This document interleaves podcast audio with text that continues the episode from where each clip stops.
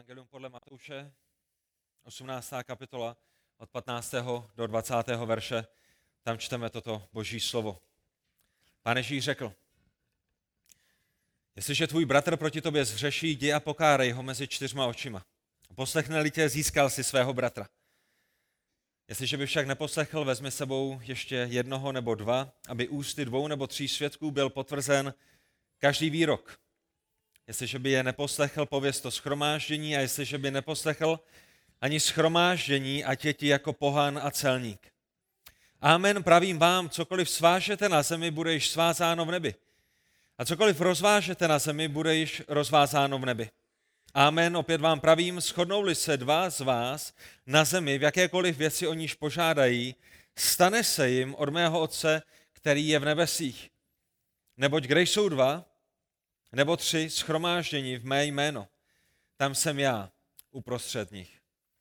Tolik z božího slova. Pane Bože, Otče náš, my ti děkujeme, že jsi nám dal i dnešního rána tu jedinečnou milost, nejenom se probudit, nejenom mít dostatek síly a zdraví na to, abychom mohli přijít na toto místo, ale že jsi nám dal milost také v tom, že můžeme být s ostatními bratřími a sestrami, kteří tě milují, kteří tě touží následovat.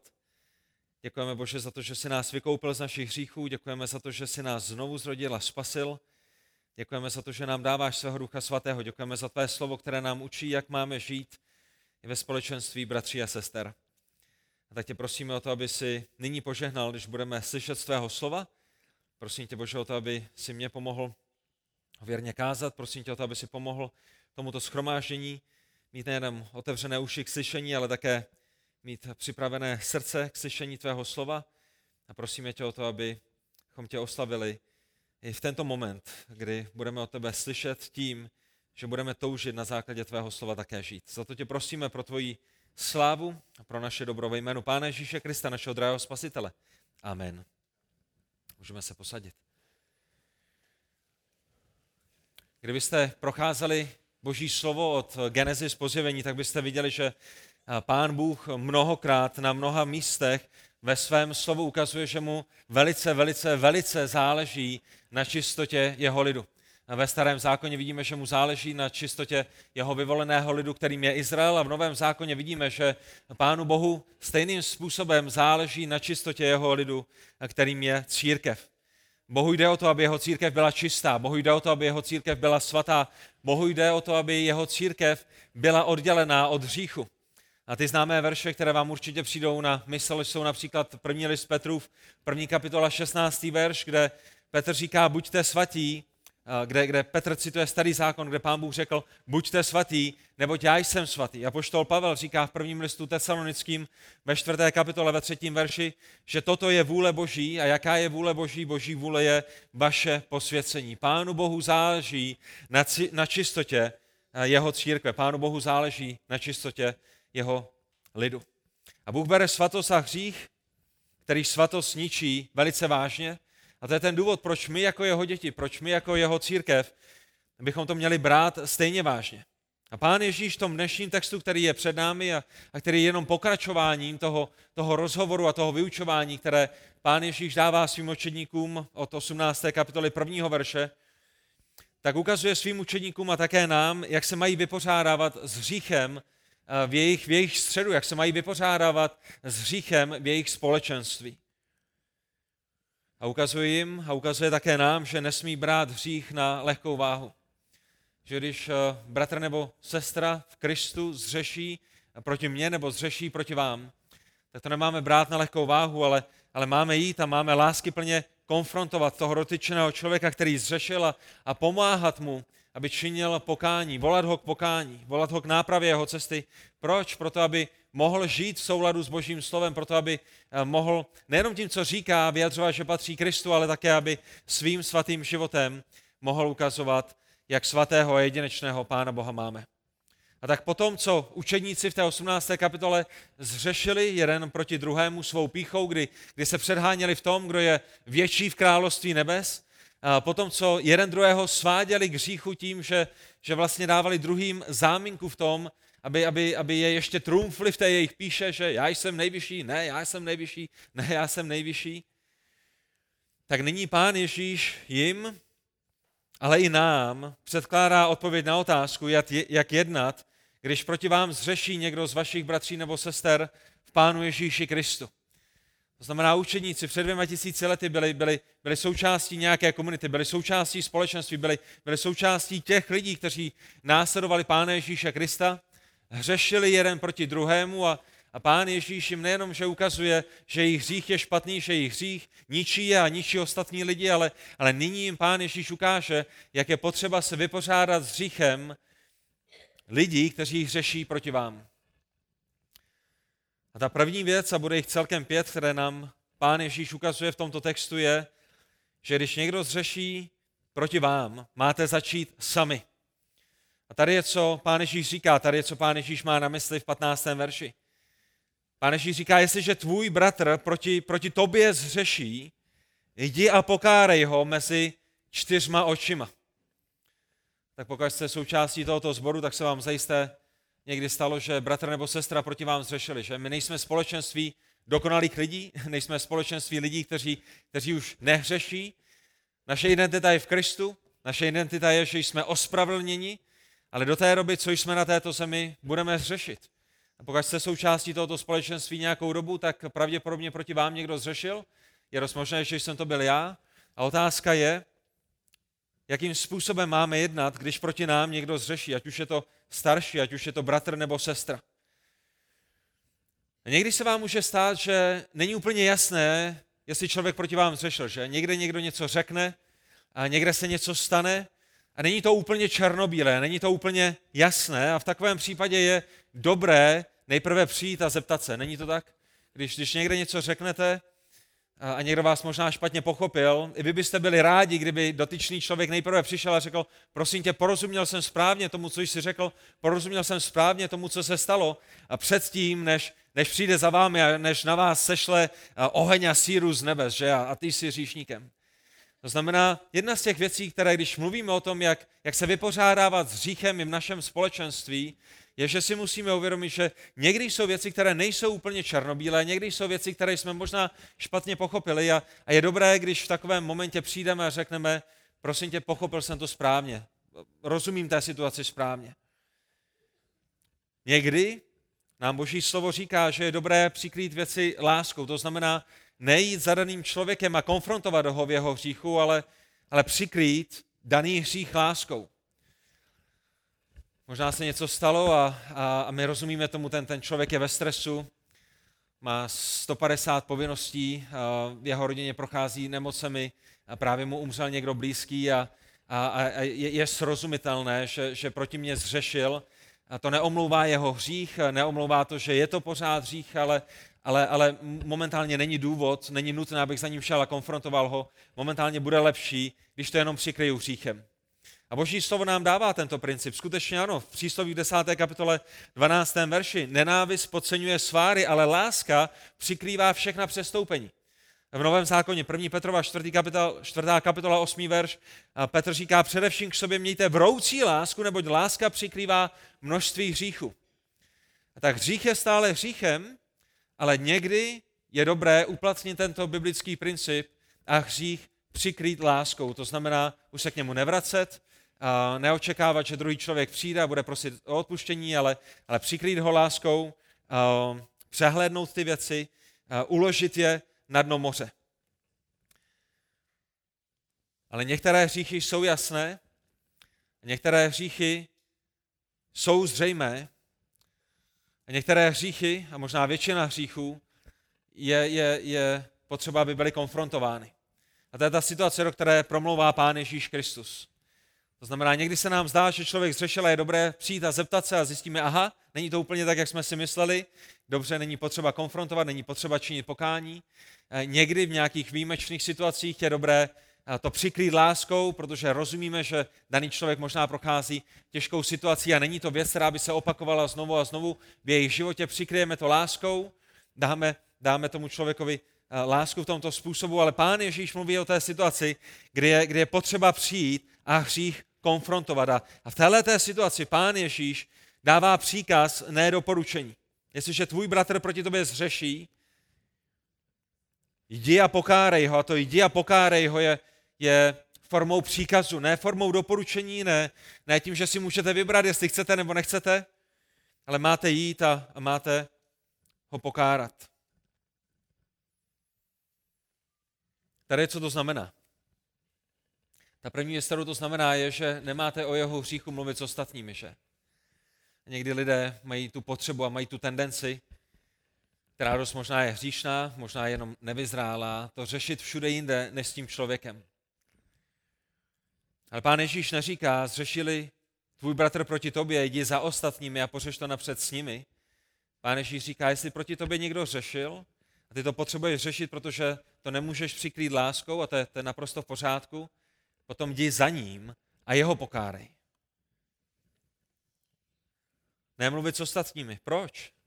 Protože toho daného člověka máte rádi, že? Máte toho bratra nebo sestru Pánu Ježíši rádi a, a řešit to všude jinde tomu člověku nepomůže v jeho růstu a nepomůže mu to v tom, aby, aby si uvědomil, že zřešil proti Pánu Bohu a zřešil proti vám. Ale vy ho milujete a chcete, chcete, aby měl dobrý vztah s Bohem, chcete, aby i váš vztah byl dobrý a proto za ním máte jít a, a upozornit ho, pokárat ho. Protože chcete to nejlepší pro něj. Chcete to nejlepší pro, pro něj a, a, a pro jeho vztah s Bohem a chcete to nejlepší pro něj a jeho vztah s vámi a proto musíte jít za ním. A všimněte si, že pán Ježíš neříká, zřešili proti tobě tvůj bratr, napiš mu sms napiš mu e-mail, napiš mu zprávu na, na Instagram nebo na Facebook, ale, ale říká, jdi za ním. Vy si možná řeknete, no jo, ale v té době neměli, neměli Instagram, neměli Facebook, ale, ale, ale měli prostředky, měli způsob, jak napsat dopis, že? A poštol Pavel píše dopis do Korintu. Evangelium podle Matouše je, je knihou, je spisem, to znamená, lidé v té době měli možnost komunikovat, a, ale pán Ježíš si ze vší té komunikace vybral a řekl, běžte za ním, běžte osobně za ním a pokárejte ho. A víte, je něco na tom být v přítomnosti člověka, když eh, s ním probíráte nějaké důležité věci. Není to tak?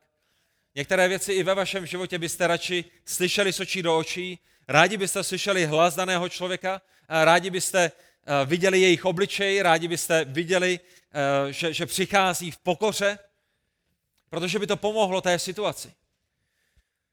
A tohle mého mínění ten, ten důvod, proč pán Ježíš říká, jdi za ním, aby mohl vidět tvůj obličej, aby mohl slyšet tvůj hlas, aby mohl vidět pozici tvého těla, že, že nepřicházíš v boji, že nepřicházíš pišně, ale že přicházíš lásky plně a s pokorou, protože ti na něm záleží, že? Když za někým přijedete a když s někým mluvíte tváří v tvář, nejenom, že to pořešíte nějakou rychlou sms tak to vyjadřuje mnoho věcí o tom, jak vám záleží na daném člověku. Pán Ježíš říká, že za ním máte jít a, a máte ho pokárat. A to pokárání znamená v původním jazyce vynést jejich hřích na světlo. Že některé věci jsou velice jasné a, a, a možná ani není potřeba se ptát, ale stalo se to, rozuměl jsem tomu dobře, protože, protože je to jasný hřích a, a, a ten člověk si to možná neuvědomuje, anebo, nebo si to uvědomuje, ale nechce si to přiznat, nečiní z toho pokání, nechce si to přiznat. A tak vy přicházíte a lásky plně, trpělivě vynášíte jejich hřích na světlo. Ukazujete mu, bratře, sestro, tohle, co si udělal, bylo hříšné, tady je to v rozporu s božím slovem. A tyhle ty věci, které se staly, nejsou otázkou svědomí, nejsou toho, že pro ty je můžeš dělat tak a já je můžu dělat jinak a, a oba dva neřešíme, ale tohle to jde proti božímu slovu, tohle to jde proti přikázáním Pána Ježíše Krista a já tě na to nyní chci lásky plně upozornit. To, co, to, co jsi dělal, je hříchem a překročil si boží přikázání. Vynášíme tyto věci na světle. To je to, co znamená, že je káráme. Nezlehčujeme jejich hřích, neděláme si z toho legraci, nejsme sarkastickými, nemáme, nemáme nějaký vtip, ve kterém se jim snažíme říct, co je tím problémem, aniž bychom jim to skutečně řekli, že? To se někdy děje i v našich životech. I, i, I v tom někdy potřebujeme růst, že je nám milejší šáhnout po nějakém sarkazmu, kterým se snažíme upozornit na nějakou věc, aniž bychom na ní skutečně museli upozorňovat. Ne, pán Ježíš říká, mluvte k sobě přímo, mluvte v sobě otevřeně, vynášejte věci na světlo, mluvte pravdu jedni s druhými a mluvte jí v lásce. A všimněte si, že tyto věci jsou zodpovědností každého jednoho z vás, že pán Ježíš mluví ke svým učedníkům a říká svým učedníkům, zřešili někdo proti tobě, potom ty jdi za ním a pokárej ho. Pán Ježíš neříká, běžte za někým jiným a jeho poproste, aby ho šel pokárat. Pán Ježíš neříká, běžte za kazatelem a běžte za starším a, a jim řekněte, aby ho oni šli pokárat. Ale vy běžte, je to, je to, je to váš bratr, on zřešil proti vám, vy rozumíte té situaci, vy jste v té situaci byli, vy potřebujete dát věci do pořádku.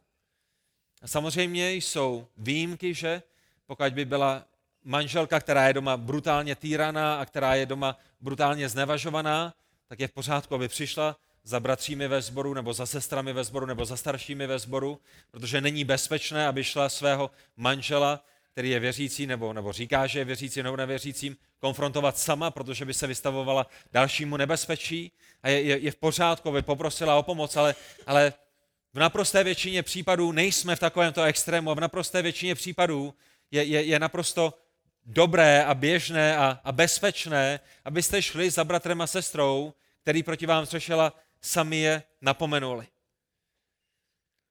Víte, a v určitém smyslu se zde děje to, co nám pán Ježíš ukázal ve 12. verši. Pamatujete? V 18. kapitole, ve 12. verši, jestli máte Bibli ve své ruce, tak eh, se podívejte do Matouše 18. kapitoly, protože pán Ježíš tam dával to jedinečné podobenství o, o hospodáři nebo o pastýři, který měl sto ovcí a jedna z nich se mu zaběhla, že?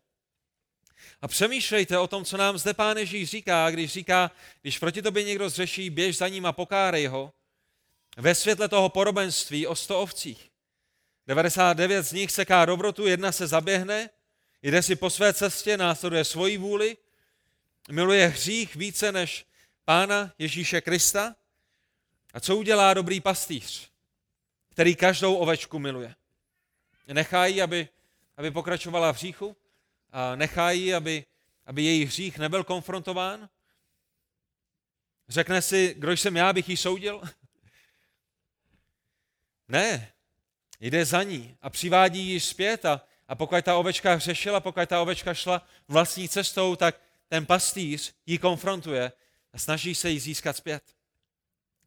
A stejně tak láskyplné, láskyplné upozornění na hřích je vyjádřením vaší lásky vůči bratrovi nebo sestře, že když za ním jdete, tak jako ten pastýř šel za tou jednou ovcí, která se rozhodla jít svým vlastním směrem, tak my rozumíme tomu, že ten pastýř to dělal z lásky a, a my máme jít z lásky za bratrem a sestrou, kteří proti nám zřešili a pokárat je, vynést jejich hřích na světlo. Proč? Proto, aby, aby naše vztahy mohly být napraveny a proto, aby jejich vztah s Bohem mohl být napraven.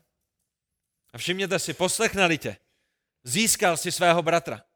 A poslechneli tě nejenom jako, že slyšel, co jste mu měli říct, ale, ale, ale poslechl tě a uvědomil si z boží milosti, že zřešil a činil pokání a odvrátil se od svého hříchu a, a prosil tě o odpuštění. To je to, co pán Ježíš má na mysli, když říká poslechneli tě, potom si získal svého bratra. Jak ohromná radost v tento moment přichází. A přesně to je cílem toho pokárání, přesně to je cílem toho vynést něco na světlo, že? A cílem není jdu si teď dokázat, že jsem lepším křesťanem než ty. A podívej se, kde jsi zřešil. Já jsem takhle nikdy nezřešil.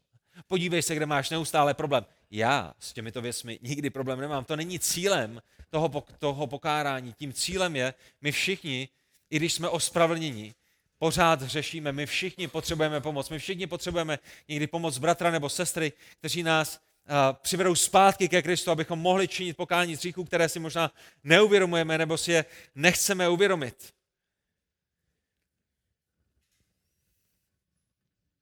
Když získáme našeho bratra, tak se radujeme stejně jako ten pastýř, který získal tu ovečku, kterou přivedl zpátky a měl z ní neskutečnou radost. Přehlížet hřích není lásky plné a není nápomocné. Věděli jste to? Přehlížet hřích je něčím jiným, než přikrýt hřích láskou. Přikrýt hřích láskou znamená, tady je nějaká výjimečná situace, kdy ten člověk zřešil a, a já bych pravděpodobně zřešil úplně stejně v jeho situaci. A to, ten hřích neomlouvá, je to stále jeho zodpovědnost, ale, ale nebudu na tom nyní bazírovat, nebudu v tom nyní dogmatický. Kolik, kolik, kolik věcí lidé přikrývají láskou vůči, vůči mně a proto, proto budu mít milost pro toho člověka.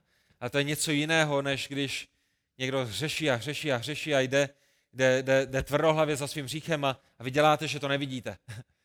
V duchu nějaké tolerance. Kdo jsem já, abych, abych soudil? Tam, kde hříšník činí pokání, tam jsme získali svého bratra, on prosil o odpuštění, vy jste mu odpustili, věc je uzavřena, vztah je napraven, jeho hřích je na dně moře a už se o tom dál nebudeme bavit, budeme, budeme nyní směřovat dál společně za Kristem.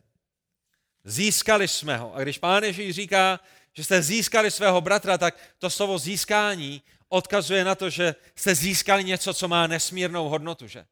My si uvědomujeme, že ten člověk, který stojí před námi, který činil pokání, že jeho duše má nesmírnou hodnotu, že, že je vzácnou ovečkou, že je vzácným dítětem v boží rodině, že je vzácným učeníkem Pána Ježíše Krista, když nyní jde opět za Kristem, tak je to jedinečné, je to radostné a má to, má to velkou váhu, má to velkou hodnotu.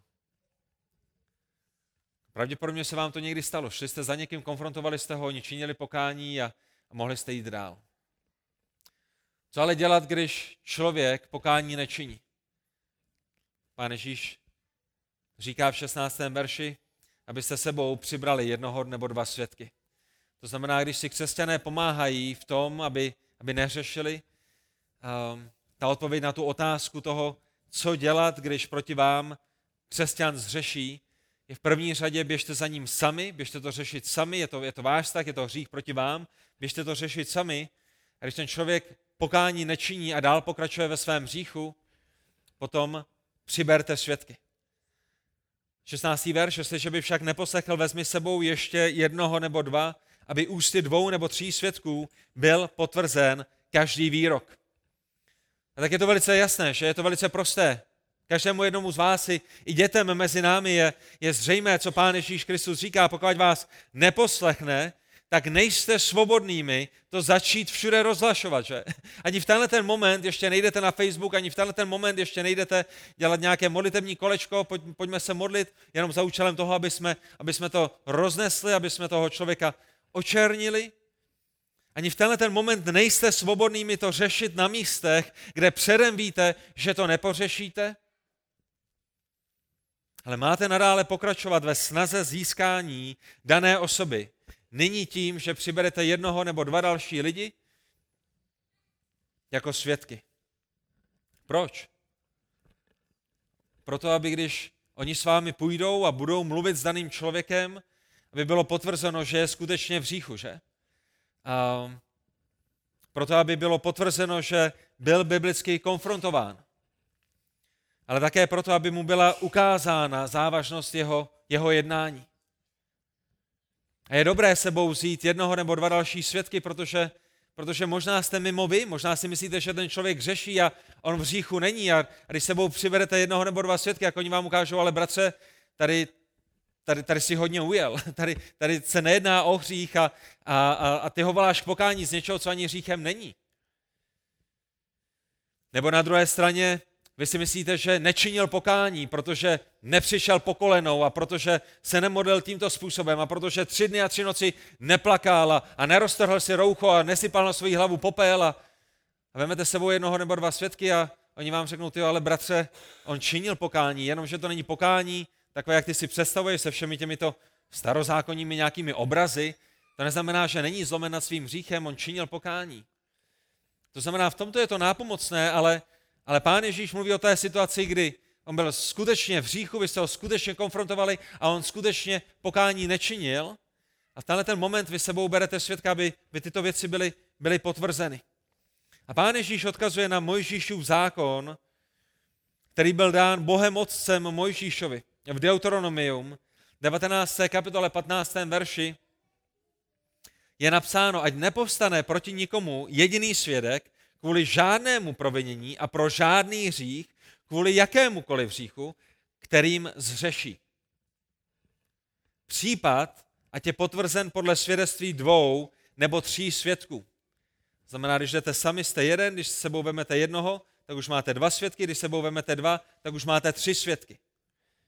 Pán Ježíš se odkazuje na tento jedinečně dobrý princip, který pán Bůh dal svému lidu. Pán Ježíš ho nyní opakuje v Novém zákoně a proto je závazný i pro nás, pro novozákonní církev. Vemte sebou jednoho nebo dva dalšího, aby, aby, aby bylo potvrzeno to, co se děje. Abyste neulítli ani na jedné straně, ani na druhé straně, ale aby vše bylo v pořádku. Tento princip pomáhá v tom, abyste se ujistili, že jste situaci pochopili správně. Že nenapomínáme a nevoláme k pokání za něco, co se nestalo, nebo za něco, co nebylo hříšné. Tento princip vám pomáhá k tomu, že si uvědomíte, že skutečně nedošlo k nedorozumění, ale také pokud, že daný člověk skutečně zřešil, takže skutečně nečinil pokání. Je to, je to princip, který, který chrání vás a který chrání toho daného hříšníka. A pokud vy ho milujete, pokud vy chcete to nejlepší pro něj a to nejlepší pro boží slávu, tak když zřeší proti vám, jdete za ním sami, když nečiní pokání, jdemete jednoho nebo dva svědky předtím, než to začnete šířit horem spodem. Někdo si možná řekne v tenhle ten moment, pokud si to ještě neřekl v tom prvním bodě, kdo jsme my, abychom soudili ostatní, že? Protože tenhle ten svět je plný toho, kdo seš, abys mě soudil. Je to pravděpodobně ten jediný verš, který možná i vaši nevěřící přátelé znají, nebo, nebo ta parafráze biblického verše, že? Když se něco stane v práci, když se, někdo, když se něco stane ve vaší nevěřící rodině, tak možná už jste slyšeli od vašich nevěřících přátel, kteří nikdy nečetli písmo, kdo již si, aby si mě soudil.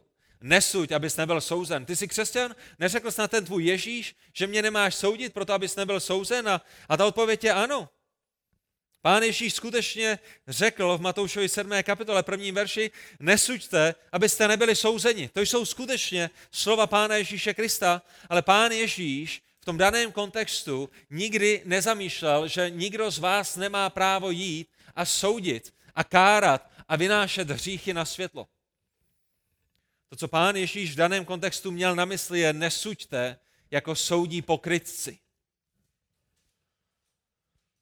My to vidíme v pátém verši, jenom několik veršů později, že je pokrytče. Nejprve výjmi trám ze svého oka a pak jasně uvidíš, jak výjmout třísku z oka svého bratra.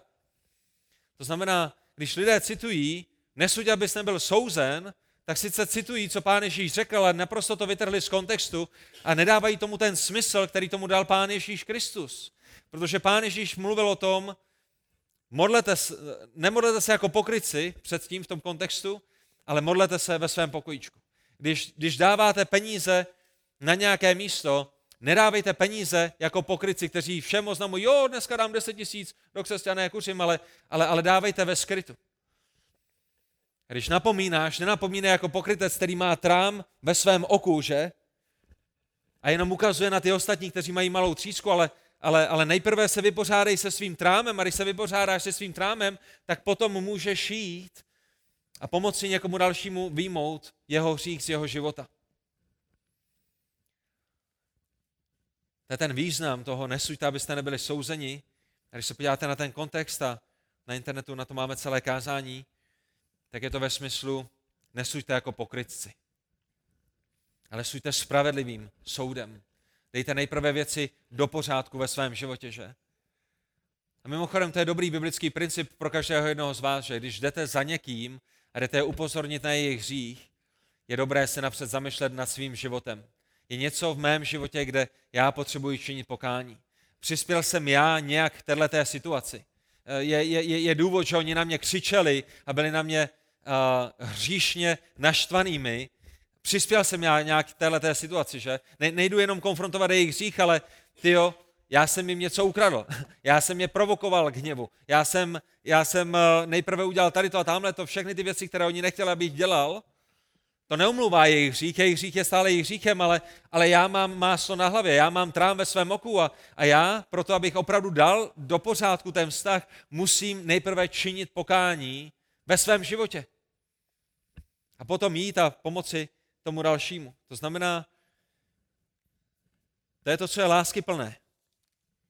Lásky plné není nesoudit, lásky plné není přehlížet hřích, lásky plné není dělat, že někdo nezřešil, lásky plné je to, co nám říká Pán Ježíš. Protože Bůh je láska. A Bůh nám říká, jakým způsobem se máme vypořádávat s hříchem v našem společenství. Ne na základě toho, co říká svět, ne na základě toho, co mě, jako člověku, který je stále v těle, který je stále v říšném světě, se zdá jako správné, ale co se zdá správné a láskyplné králi lásky Ježíši Kristu. A tam, kde bratr šel a láskyplně napomenul druhého bratra, tam, kde daný bratr činil pokání, tam je nejenom veliká radost, ale ještě více prohloubený vztah, že? To znamená, když činil pokání po tom, co jste za ním přišli sami, tak já věřím, že jste zakusili ve vašem životě, že váš vztah je prohloubený. Pokud jste museli vzít jednoho nebo dva další svědky a šli jste za ním a, a, a jemu to došlo a z boží milosti činil pokání, tak váš vztah byl ještě více prohloubený. Není to tak? Proč? Protože daný bratr nebo daná sestra vidí, že za ním jdete, protože je milujete. Vidí a rozumí tomu, že jim na, že jim na vás záleží. Vidí, že pro ně chcete to nejlepší. A, a rozumí tomu, že pouze skutečný přítel a skutečně pouze někdo, kdo je miluje, by šel z kůží na trh a konfrontoval je v jejich hříchu, že? Protože člověk, který jde někoho konfrontovat, hodně riskuje. Není to tak? Už jste někdy šli někoho konfrontovat s tím, nevím, jak to dopadne? Nevím, jestli to situaci ještě nezhorší? Je, je, je možné, že i když já jdu a konfrontuju je v lásce, že to bude konec našeho přátelství, protože oni to pochopí naprosto sesně a budou natolik pišnými, že místo toho, aby činili pokání, tak zničí naše přátelství. To znamená jít a někoho lásky plně biblicky konfrontovat, není laciné. Člověk hodně riskuje. Ale z boží milosti, když ten, ta druhá osoba činí pokání, tak to ten vztah prohlubuje. Je to vzácné, je to jedinečné. A tím jedním biblickým příkladem by byl Pavel a Petr. Že? Pavel šel z kůží na, na trh, když napomenul a poštola Petra. Pamatujete na to v listu Galackým, v druhé kapitole, 11. a 14. verš? Jestli máte písmo, můžete tam nalistovat společně se mnou. A poštol Pavel konfrontoval veřejně a poštola Petra. A my čteme v Galackým 2.11, když přišel Kéfas, pardon, to je Petr, do Antiochie, postavil jsem se proti němu tváří v tvář, nebo si zasloužil odsouzení. Pavel se postavil Petrovi tváří v tvář, ne za jeho zády, ale tváří v tvář, z očí do očí, protože Petr hřešil a Petr potřeboval být pokárán. Než totiž přišli někteří od Jakuba, jídával společně s pohany. Když však přišli, začal couvat a oddělovat se, protože se bál těch, kteří byli z obřezaných. A spolu s ním upadli do pokrytectví i ostatní židé, takže i Barnabáš byl stržen jejich pokrytectvím. Co bylo hříchem Petra? Petr byl pokrytec. Když byl s jedními lidmi, choval se jedním způsobem, když přišla jiná skupina, choval se druhým způsobem a nejenom, že hřešil on, ale také sváděl k hříchu ostatní učeníky Ježíše Krista, jako například Barnabáše, Oni byli strženi jeho pokrytstvím a začali být stejnými pokrytci jako on. Když jsme s Židy, jednáme takto. Když jsme s bratřími, kteří jsou z pohanů, jednáme jinak. Stáváme se kamenem úrazu. A Pavel říká, když jsem však uviděl, že nejdou rovně podle pravdy Evangelia, řekl jsem Kéfovi, řekl jsem Petrovi přede všemi, jestliže ty, ač jsi žid, žiješ pohansky a ne židovsky, jak to, že nutíš pohany, aby žili jako židé. Pavel Petra konfrontoval otevřeně. Já jsem přesvědčen o tom, že Petr z boží milosti činil pokání. Místo toho, aby ve své píše se zatvrdil a šel proti Pavlovi a, a šel proti duchu svatému. A i přes tuto tvrdou konfrontaci, která není z očí do očí někde v ústraní, která není z očí do očí s jedním nebo dva, dvěmi svědky někde v ústraní, ale, ale především, protože ta situace byla tak závažná, že apoštol Pavel v tomto výjimečném případě přistoupil k tomuto kroku. Petr se z boží milosti nezatvrdil. Já jsem přesvědčen o tom, že Petr z boží milosti činil pokání. A my vidíme, že to prohloubilo Pavlův a Petrův vztah. Protože Petr v 2. Petrově 3. kapitole 15. verši nazývá apoštola Pavla milovaným bratrem. Jak je možné, že ho nazývá milovaným bratrem po tom, co ho veřejně konfrontoval? Já jsem Petr. Já jsem ten, který je vždycky v tom vnitřním kruhu. Já jsem byl nahoře proměnění a ty si dovoluješ, ty nejmenší z apoštolů, ty, který si ani s námi nebyl, ty, ty který si vraždil křesťany, ty si dovoluješ mě především konfrontovat? Kdyby tohle to byl postoj Petra, potom by o Pavlovi nikdy nenapsal, že je milovaným bratrem. A tak se nemusíte bát. Lásky plná konfrontace, ať už jeden na jednoho, nebo, nebo s bratřími a sestrami, které berete jako svědky. Když jsou dělány se správným motivem, k tomu, abyste získali daného člověka, k tomu, abyste ho přivedli k jeho smyslům, k tomu, aby činil pokání, k tomu, aby byl napraven jeho vztah s Bohem a, a jeho vztah s vámi, aby církev byla čistá a svatá a spanilá a bez poskvrny. Tak i když děláte něco, co je takto složitého a těžkého, tak pokud pán Bůh dá, že oni budou činit pokání, tak to je něco, co vede ještě k hlubším vztahům. Je to skutečně tak, některé z těch našich nejhlubších vztahů jsou vztahy, kde jsme proti sobě zřešili a činili jsme pokání. A vidíme, jak nás moc bratři a sestry mají rádi, protože nás upozornili na některé věci. Otázka je, co když ani nyní ten daný člověk pokání neřeší. Co když jde dále svojí vlastní cestou, co potom? Pán Ježíš ví, že někdy něco takového se stane proto pokračuje a říká v 17. verši, jestliže by je neposlechl, pověst to schromáždění, a to je třetí bod dnešního kázání, máte jít sami, když neposlechnou, máte přibrat jednoho nebo dva svědky a když neposlechnou ani, ani tehdy a nečiní pokání ani tehdy, potom a teprve potom to máte povědět schromáždění. A to slovo schromáždění zde v řečtině je eklézia, je to, je, to, je to nějaké společenství a v našem kontextu je to, je to společenství křesťanů. Mají to říct společenství křesťanů, mají to říct božím dětem, které jsou součástí daného místního společenství, dané místní eklézie. A v našem kontextu to mají vzít před místní sbor jehož je daný člověk součástí, jehož je daný člověk členem. Že?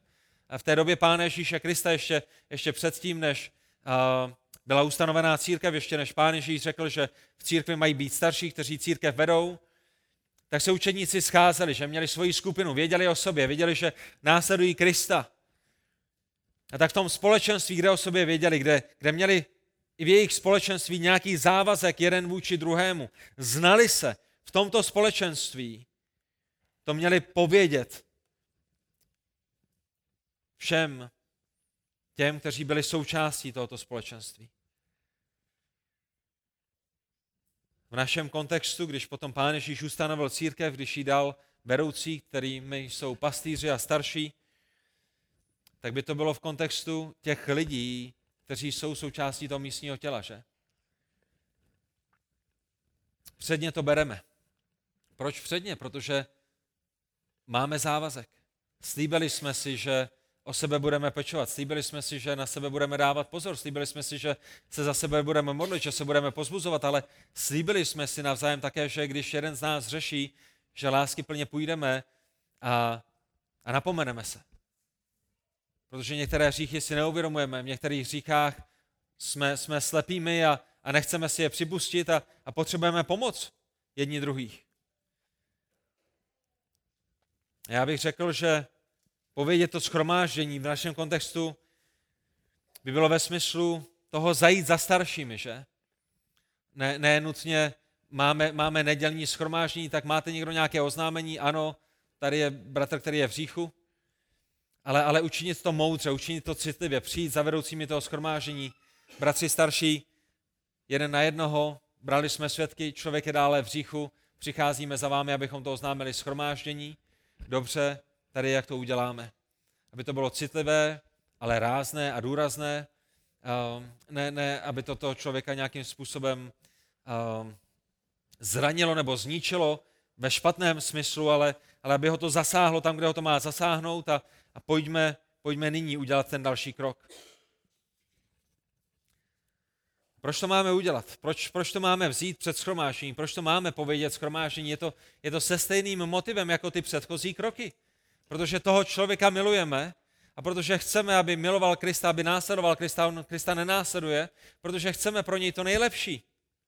První krok byl osobní, sočí další, druhý krok byl napůl osobní a napůl veřejný, přibrali jsme k tomu nějaké další lidi a tenhle ten třetí krok je, je stoprocentně veřejným. My ukazujeme, jak, jak závažný je jejich hřích, jak závažné je to, že nečiní pokání. A ukazujeme, jak nám všem na nich záleží. A mimochodem, toto je jedna z důležitých věcí, jeden z důležitých důvodů, proč písmo klade velký důraz na to, že křesťané musí být součástí, členy místních sborů. Křesťané nemají být osamělými jezdci při následování Pána Ježíše Krista. Být součástí společenství, být, být ve vztahu s místním společenstvím, mít závazek jeden vůči druhému. Nejenom být hostem, je jedním z prostředků milosti, skrze které Bůh pracuje v našich životech. Je to skrze členství v místní církvi, kdy přijímáme pozbuzení a kdy přijímáme požehnání, ale také lásky plné napomenutí a pokárání, když je třeba. Křesťané tímto způsobem potřebují další křesťany v místním společenství, kde vůči sobě mají vzájemný závazek. Víme, že jsme součástí místního těla, víme, kdo jsou naši starší, starší vědí, kdo jsou jejich ovečky, za které jsou zodpovědní. Víme, že nežijeme pouze na hromádce, ale, ale vstoupili jsme do nějakého slibu, do nějakého závazku, do nějaké smlouvy. Rozumíme tomu, že někdy v našem hříchu se nám nebude chtít činit pokání a že v lásce budeme muset jít a možná někdy přistoupit až k tomu kroku, že to vememe před všechny ostatní členy daného společenství. Nenutně před hosty, nenutně při nějakém veřejném schromáždění, i když to je někdy vhodné, i když to je někdy dobré, ale minimálně před ty, kteří jsou členy toho místního těla. A pokud by neposlechl ani schromáždění, potom nezbývá, než podstoupit i další lásky plný krok, kterým je čtvrtý bod dnešního kázání, který vychází z toho, co pán Ježíš řekl. A to je, jestliže by neposlechl ani schromáždění, a ti jako pohán a celník, jinými slovy, vylučte ho ze svého středu. Pokud daný člověk není členem žádného sboru, odkud ho budete vylučovat. Pokud jste někde na návštěvě, jak vás vyloučí, že? Jak, vás, jak vás dají mimo tuto eklezi, jak vás dají mimo toto společenství, nedají. Byl součástí společenství, vyznával Ježíše jako pána a spasitele, možná byl dokonce pokřtěn na vyznání víry. A místní společenství dosvědčovalo, vydávalo svědectví, že vnímají toho daného člověka jako následovníka Ježíše Krista. My jsme slyšeli jeho svědectví, my jsme slyšeli o tom, že uvěřil, že Bůh je svatým Bohem, že on je velkým hříšníkem, že, že jediná cesta do Božího království vede skrze Pána Ježíše Krista, ne, jeho, ne skrze jeho skutky, ne skrze jeho dobré skutky, ne skrze to, že dává peníze, ale pouze jedině z boží milosti, pouze jedině v Pánu Ježíši Kristu, pouze jedině skrze víru. My jsme viděli na vlastní oči, jak tuto skutečnost ukázal ve křtu, prvním kroku poslušnosti vůči Pánu Ježíši Kristu, křes na vyznání víry. A dosvědčovali jsme, že je jedním z nás, že je součástí církve Kristovi, ne pouze té všeobecné církve Kristovi, ale, ale, ale té místní církve Kristovi, která je znázorněním církve všeobecné. A to je mimochodem jedna z dalších důležitých zodpovědností místního společenství, že? My jako společenství, my jako církev, my jako místní sbor dosvědčujeme jeden druhému nebo jedni o druhých, že je vnímáme jako znovuzrozené. A když nejste nikde členem, když nemáte nikde závazek, když si volíte být osamělým křesťanem, kdo může vydat svědectví o vašem znovuzrození? Křeček, kterého máte doma? Rybičky? Soused? Kdo, kdo vydá svědectví o vašem znovuzrození? Kdo, kdo, kdo vydá svědectví o tom, to, co on říká, je to stejné, co on žije. Kdo o tom vydá svědectví? Když nejste v komunitě věřících lidí, když nemáte závazek jeden vůči druhému. A nyní tento člověk, o kterém jsme vydávali svědectví, žije v rozporu s Kristovým nařízením, žije v hříchu a nemá zájem činit pokání, že? Neposlouchá, když ho voláte k pokání. A možná nadále říká, že je křesťanem, ale jeho život tomu neodpovídá. A církev, společenství, místní sbor nemůže nadále vydávat svědectví o tom, že je křesťanem. Ano, my slyšíme to, co říkáš, ano, my, my slyšíme, že říkáš, jsem věřící, jsem věřící, ale, ale vidíme, že jdeš proti božímu slovu. A vidíme, že miluješ hřích více než boží slovo. A vidíme, že začínáš překrucovat boží slovo, tak aby si si obhájil svůj hřích, místo toho, aby si boží slovo vzal jako autoritu a nechal slovo, aby usvědčilo tvůj hřích a, a ty si ze svého hříchu činil pokání. Proto s tebou nyní musíme jednat jako s pohanem a celníkem. Jak si myslíte, že by křesťané měli jednat s pohany a celníky? Jak jednal pán Ježíš s pohany a celníky? Vzal snílá rajčata, házel je na ně, vy špíno, vy hříšníci, podívejte se na mě, jak já jsem svatý. To je, jak pán Ježíš jednal s hříšníky? To je to, co je smyslem tohohle kroku? Začít na ně plivat, vzít kameny a, a hodit po nich kamenem? Zesměšňovat je a dát to všude na Facebook a, a na jejich hrobě, na jejich mrtvole vyvýšit sebe? My jsme těmi dokonalými křesťany? To je smyslem toho, že máme brát jako pohana a celníka? Zajisté, že ne. Jak, jak bral pán Ježíš pohany a celníky? Jak, jak, jak pán Ježíš s nimi jednal? Volal je k pokání, usvědčoval je z jejich hříchu. Ale jasně jim ukázal, že dokud nečiní pokání, tak nejsou součástí jeho učedníků, jeho dětí, jeho stáda, jeho církve. A to je to, co děláme jako křesťané, když musíme někoho vyloučit z našeho středu. My nemůžeme nadále dosvědčovat, že jsi znovu zrozeným. My tě musíme brát jako někoho, kdo je neznovu zrozený, protože jednáš jako neznovu zrozený. My nevidíme tvé srdce, my nejsme duch svatý, ale, ale to, jak jednáš, to, jak žiješ, neodpovídá a není kompatibilní s tím, jak mají žít křesťané. A nadále se za tebe modlíme a nadále tě budeme volat k pokání, ale, ale už tě nemůžeme nechat být součástí tohoto společenství a, a nemůžeme tě nechat brát z večeře páně. A tím, že tě vyloučíme, tak tě varujeme. Je to vyloučení, které je, které je láskyplné, je to, je to na základě lásky. Musíš si uvědomit, že ty jsi ten jediný, kdo říká, že jsi znovu zrozený. My jako společenství tě vnímáme jako neznovu zrozeného. Jeden z nás je mimo. Otevři své oči, nakloň ucho těm věcem, které se ti snažíme říct na základě Božího slova. A mimochodem církev se ne vždycky vypořádává s hříchem tímto trpělivým způsobem. Že pán Ježíš dává tyto kroky jeden na jednoho, přiber sebou svědky, vem to před schromáždění, když neposlechne ani schromáždění, vyluč ho. Ale písmo nám dává v prvním listu Korinským v páté kapitole, prvním až pátém verši příklad toho, kdy je hřích tak závažný, že jdete rovnou k tomu, že daného člověka musíte vyloučit. Proč? Protože jeho hřích je natolik do nebe volající, jeho hřích je natolik otevřený, o jeho hříchu se natolik ví i mezi nevěřícími lidmi, že je potřeba se s tím vypořádat okamžitě. Proč? Proto, aby Ježíš neměl špatnou pověst, proto, aby církev Ježíše neměla špatnou pověst. A to je to, co říká Pavel v prvním listu Korinským v páté kapitole, kdy, kdy korinští byli pišní na to, že mezi nimi měli člověka, který spál s manželkou svého otce, buď jeho matkou nebo jeho nevlastní matkou. A korinští byli pišnými na to, jak strašně jsou tolerantními, že vlastně kdo jsou oni, aby někoho soudili.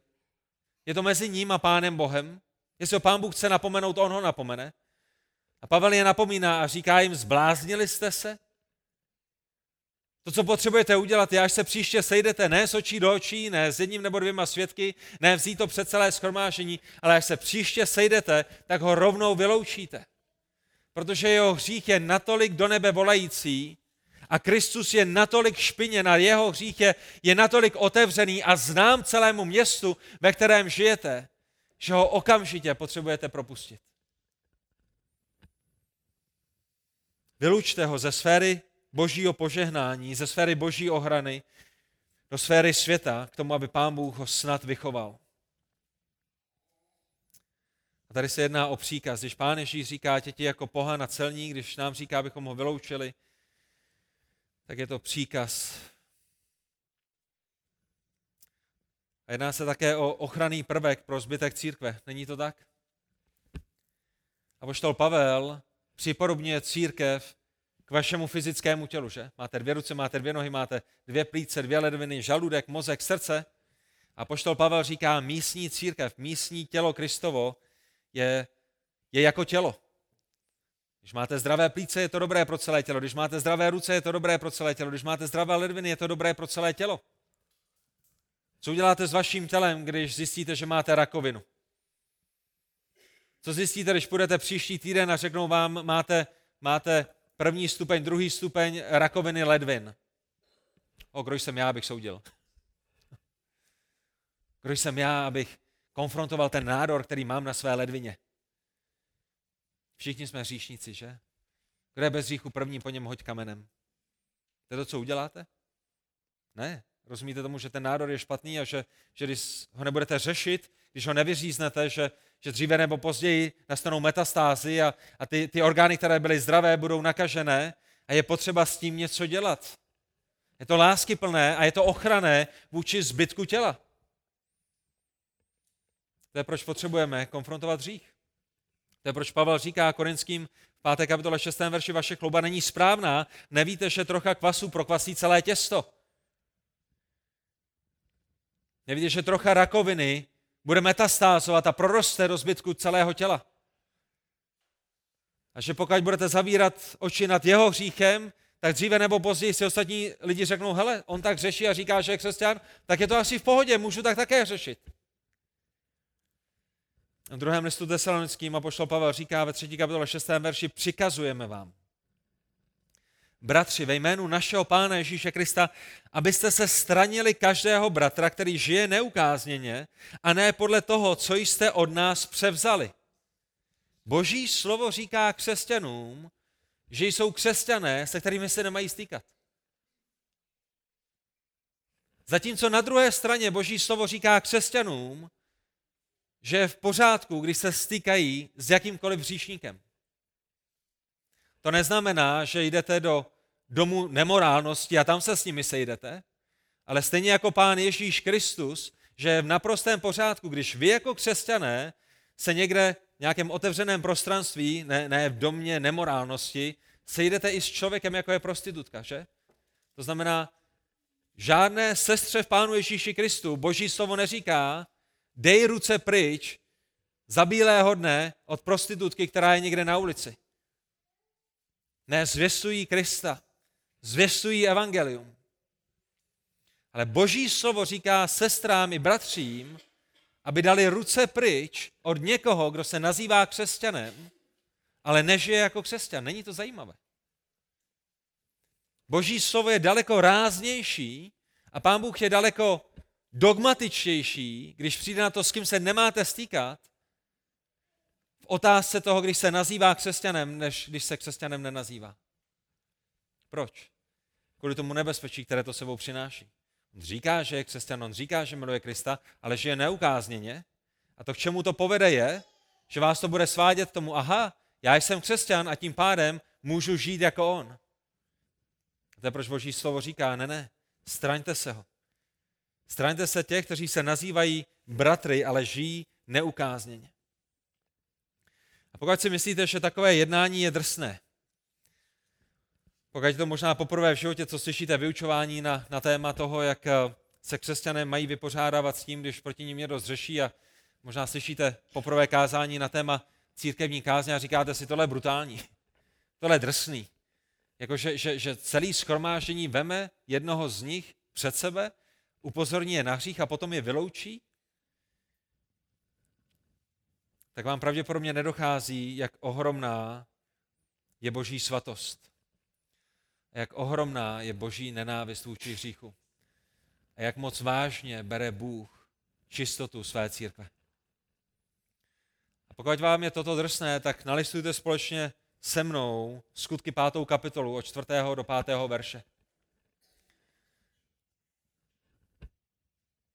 Tam čtete o Ananeášovi a Safiře. A co se stalo? Ananiáš a Safira se rozhodli, že prodají pozemek, který měli. Nikdo je o to neprosil, nikdo jim neříkal, že to mají dělat, ale oni se rozhodli, že pozemek prodají. Potom se rozhodli, že dají peníze, které vytěžili z toho pozemku církvi. Nikdo je ne, neprosil, nikdo jim to nepřikazoval. Bylo to jejich svobodné rozhodnutí. Mohli dát všechno, nemuseli dávat nic, mohli dát část. Bylo to totálně na nich, nikdo je neprosil, nikdo jim to nepřikazoval. Tady jaký byl jejich problém? Přestírali, že dali všechno. I když si část peněz nechali. Bylo naprosto v pořádku, aby si část nebo většinu nechali. To, co v pořádku nebylo, je, že se snažili v očích církve vypadat lépe, než vypadali. A že lhali nejenom církvi, ale lhali Duchu Svatému, když říkali, my jsme dali všechny peníze, proto abychom vypadali lépe, proto abychom vypadali mega štědře, než aby řekli, jo, hele, něco jsme si nechali, protože jsme potřebovali opravit dům, protože jsme potřebovali opravit auto, protože jsme potřebovali něco na jídlo. Ale lhali Duchu Svatému. A poštole je konfrontují v páté kapitole, čtvrtém verši a říkají, dokud zůstávalo pole neprodané, což nebylo tvé, což nebylo vaše, Ananiáši. A když se je prodal Ananiáši, což nebylo v tvé moci, co uděláš s penězi, že? Je to, je to úplně na tobě, bylo to bylo úplně jedno, co s tím uděláš. Ale proč se ve svém srdci rozhodl k takové věci? Nelhal si lidem, ale Bohu. A všimněte si, že Ananiáš nesmilnil, všimněte si, že Ananiáš nebyl vrahem, všimněte si, že Ananiáš nebyl opelcem a nebral drogy. To jediné v úvozovkách, co udělal, je, že dal církvi 100 tisíc a řekl, to je to celé, co jsme za pozemek dostali. Zatímco si ještě 20 nebo 25 tisíc nechal někde stranou. My bychom řekli, Ananiáš jenom lhal. Ale tady je, jak Bůh bere vážně hřích ve své církvi. Ananiáš v momentě, kdy lhal, byl na místě mrtev. A nezabil ho Pavel, nezabil ho Petr, ale zabil ho sám Bůh. Proč? Protože Bůh bere čistotu své církve vážně a je zde někdo, kdo lže proti duchu svatému. A pán Bůh bude učit svou církev velice důležitou lekci. Neberte hřích na lehkou váhu, protože já ho neberu na lehkou váhu.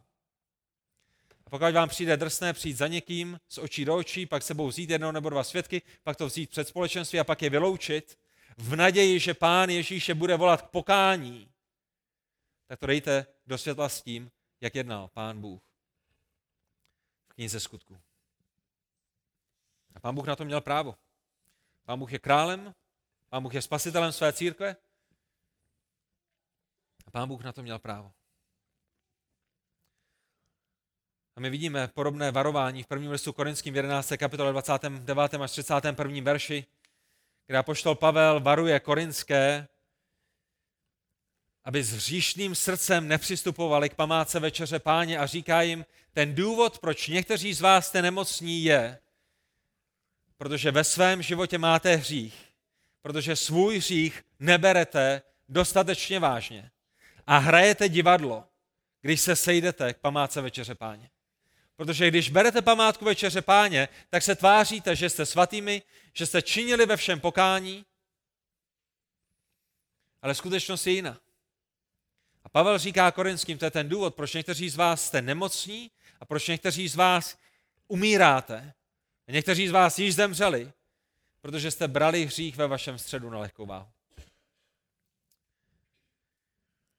A i my toho dnešního dne potřebujeme brát hřích nejenom našich bratří, ale i náš vlastní hřích velice, velice vážně, protože Pán Bůh ho bere velice vážně.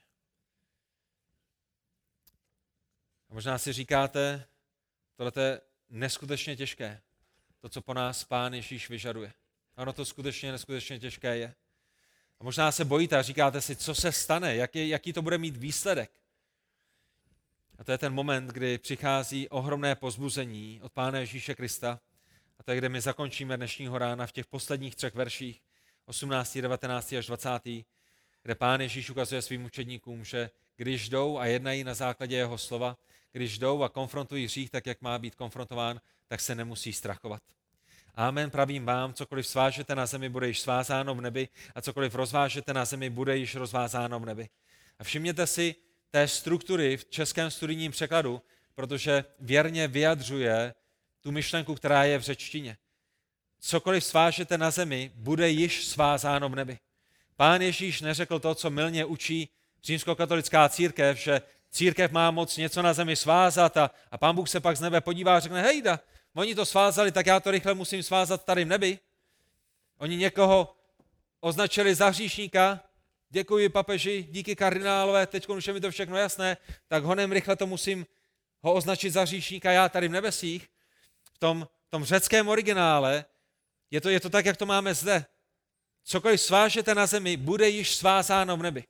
A to, co pán Ježíš říká, je, když jdete a napomínáte a někdy musíte i vyloučit člověka a musíte někoho, někomu říct a varovat ho, ale možná nejsi vůbec znovu zrozený, protože když něco říkáš, tak tak vůbec nežiješ a nečiníš pokání. Tak když uděláte tyto věci, tak se nestrachujte a vězte, že jenom jednáte v souladu s tím, jak ty věci už dávno vidělo nebe. Cokoliv jste biblicky svázali, cokoliv jste biblicky označili za hřích, již bylo označeno za hřích v nebesích. Jednáte v souladu s nebem. A to je ohromné pozbuzení. To je ohromné pozbuzení, že, že, že nejdu proti Pánu Bohu. Na konci dne mě je jedno, co si o mě budou myslet lidé. To nejdůležitější pro mě je, co si o mě myslí Pán Bůh.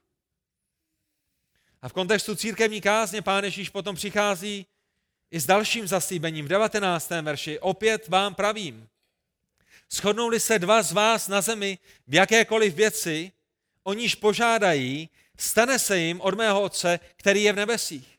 A opět lidé přijdou a vytrhnou z kontextu i tento verš a překroutí i tento verš a, a, a berou ho ve smyslu, hele, potřebuješ sehnat jenom nějakého jiného křesťana, když se shodnete na tom, že chcete mít hodinky s vodotryskem, tak vám pán Bůh dá hodinky s vodotryskem. A když budete chtít nového Mercedesa, on vám dá nového Mercedesa. Když budete chtít tady to, tamhle to, protože Bůh říká ve svém slovu, shodnou-li se dva z vás na zemi v jakékoliv věci o níž požádají, stane se jim to. Ale tento verš neleží ve vzduchu prázdnu, tento verš leží v kontextu církevní kázně a to, co pán Ježíš zde říká, je,